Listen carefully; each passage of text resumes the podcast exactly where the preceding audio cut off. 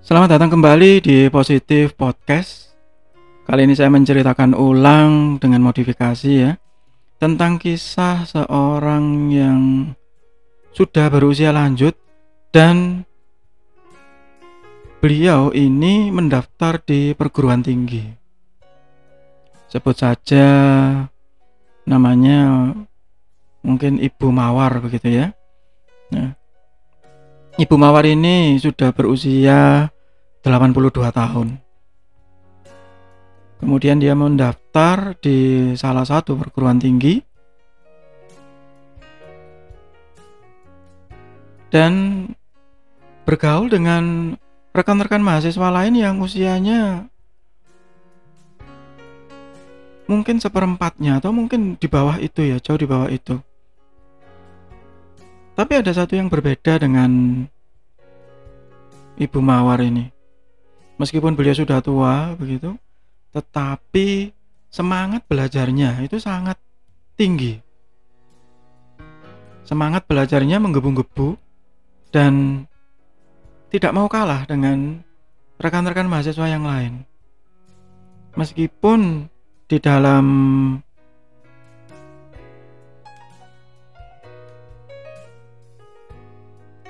di dalam pelaksanaannya beliau ini tertatih-tatih gitu ya untuk mengetik melalui laptop mendownload materi dan yang lainnya.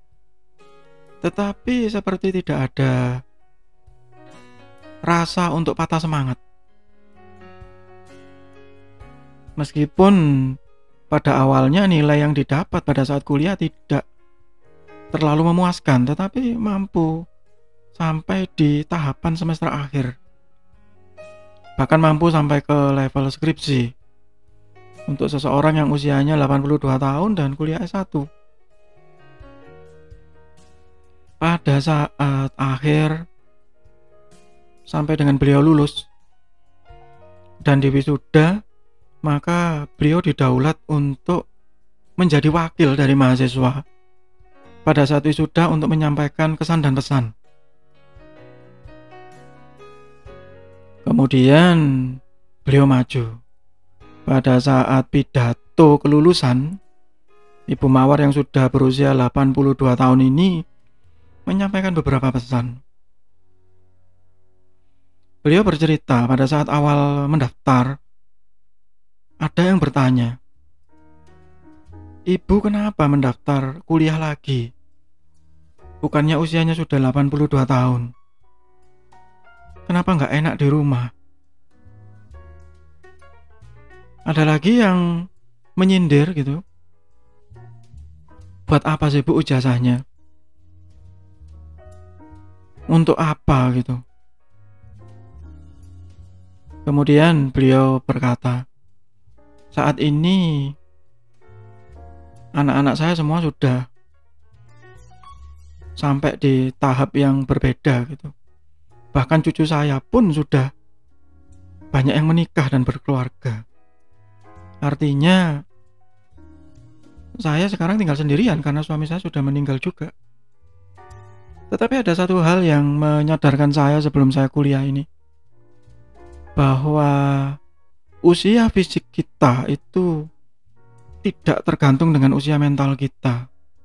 Mungkin saya berusia 80 tahunan tetapi kalau saya melaksanakan aktivitas seperti halnya saya berusia 20 tahun, maka usia mental saya, jiwa saya itu adalah 20 tahun.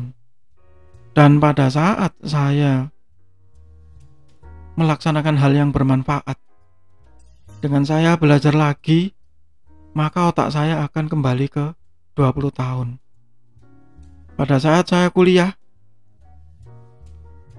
saya mempraktekkan hasil perkuliahan saya di masyarakat. Saya mulai mengajarkan ke beberapa lingkungan sekitar, membuat produk-produk yang mungkin tidak secanggih rekan-rekan mahasiswa yang masih muda, tetapi semuanya bermanfaat dan bisa membantu lingkungan sekitar saya.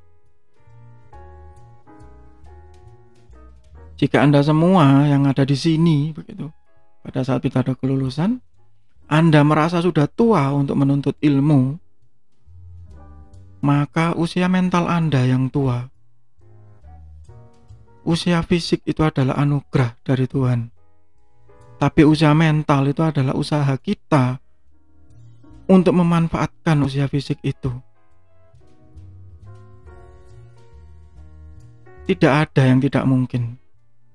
Tidak ada kata terlambat dalam belajar. Yang ada adalah kemauan. Dan apa yang akan kita lakukan setelah kita belajar sesuatu? Apakah kita simpan sendiri atau kita sebarluaskan ke masyarakat untuk menjadi hal-hal yang lebih bermanfaat? Pidato yang pendek tapi mendalam ini sangat dalam ya pesannya. Kita bisa menarik garis terang dari kisah Ibu Mawar ini tadi. Di saat pandemi seperti ini, ada banyak rekan-rekan yang protes. Ada banyak kalau saya sebagai dosen gitu ya, rekan-rekan sesama dosen ataupun guru yang mengeluh. Saya sudah tidak bisa lagi belajar menggunakan teknologi.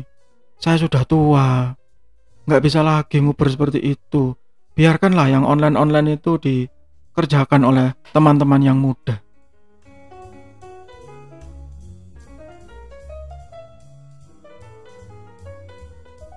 Satu hal yang ironis ya. Seperti halnya Ibu Mawar tadi yang bahkan di usia setua itu beliau tidak punya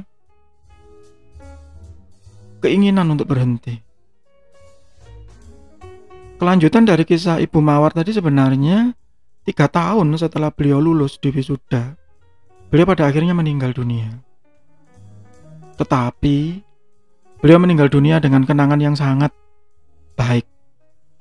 Karena sebelumnya sudah banyak membuat produk aplikatif untuk lingkungan sekitarnya, banyak mengajarkan hal kepada lingkungan sekitarnya dan juga keluarganya menjadi simbol semangat untuk belajar. Baik untuk keluarganya, untuk anak-anaknya, untuk cucu-cucunya, dan bahkan mungkin anak cucunya, buyutnya. Bahwa belajar itu tidak mengenal usia.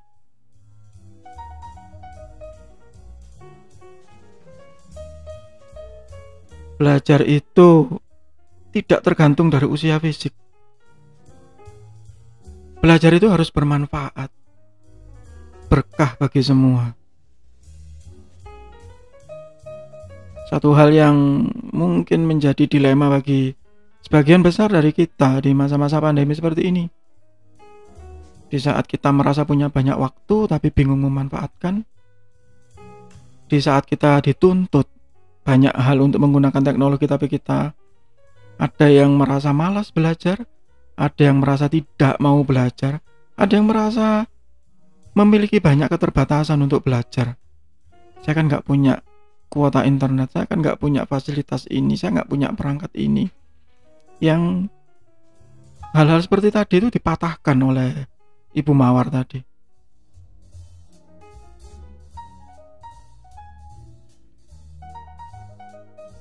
Usia bukan halangan kita untuk belajar. Bagi kita yang muslim, ayat pertama yang turun ke Nabi adalah ikro, bacalah. Satu simbol yang dalam bahwa ayo belajar tanpa kenal waktu. Belajar hal yang bermanfaat, bukan hanya untuk diri kita sendiri, tapi juga untuk orang lain. Jika ada yang kemudian berasumsi, Buat apa saya nyebar ilmu kalau gratis? Percayalah bahwa Tuhan pasti akan membalas kita dengan cara yang berbeda. Jika kita tidak mendapatkan balasan yang baik di dunia, kita akan mendapatkan balasan yang baik setelah kita meninggal dunia nanti. Karena ilmu yang bermanfaat adalah amal yang tidak pernah putus pahalanya. Semoga kita semua tetap semangat untuk belajar khususnya hal-hal yang bermanfaat. Tetap sehat, tetap semangat. Kita akan berjumpa lagi di episode berikutnya bersama Positif Podcast. Terima kasih.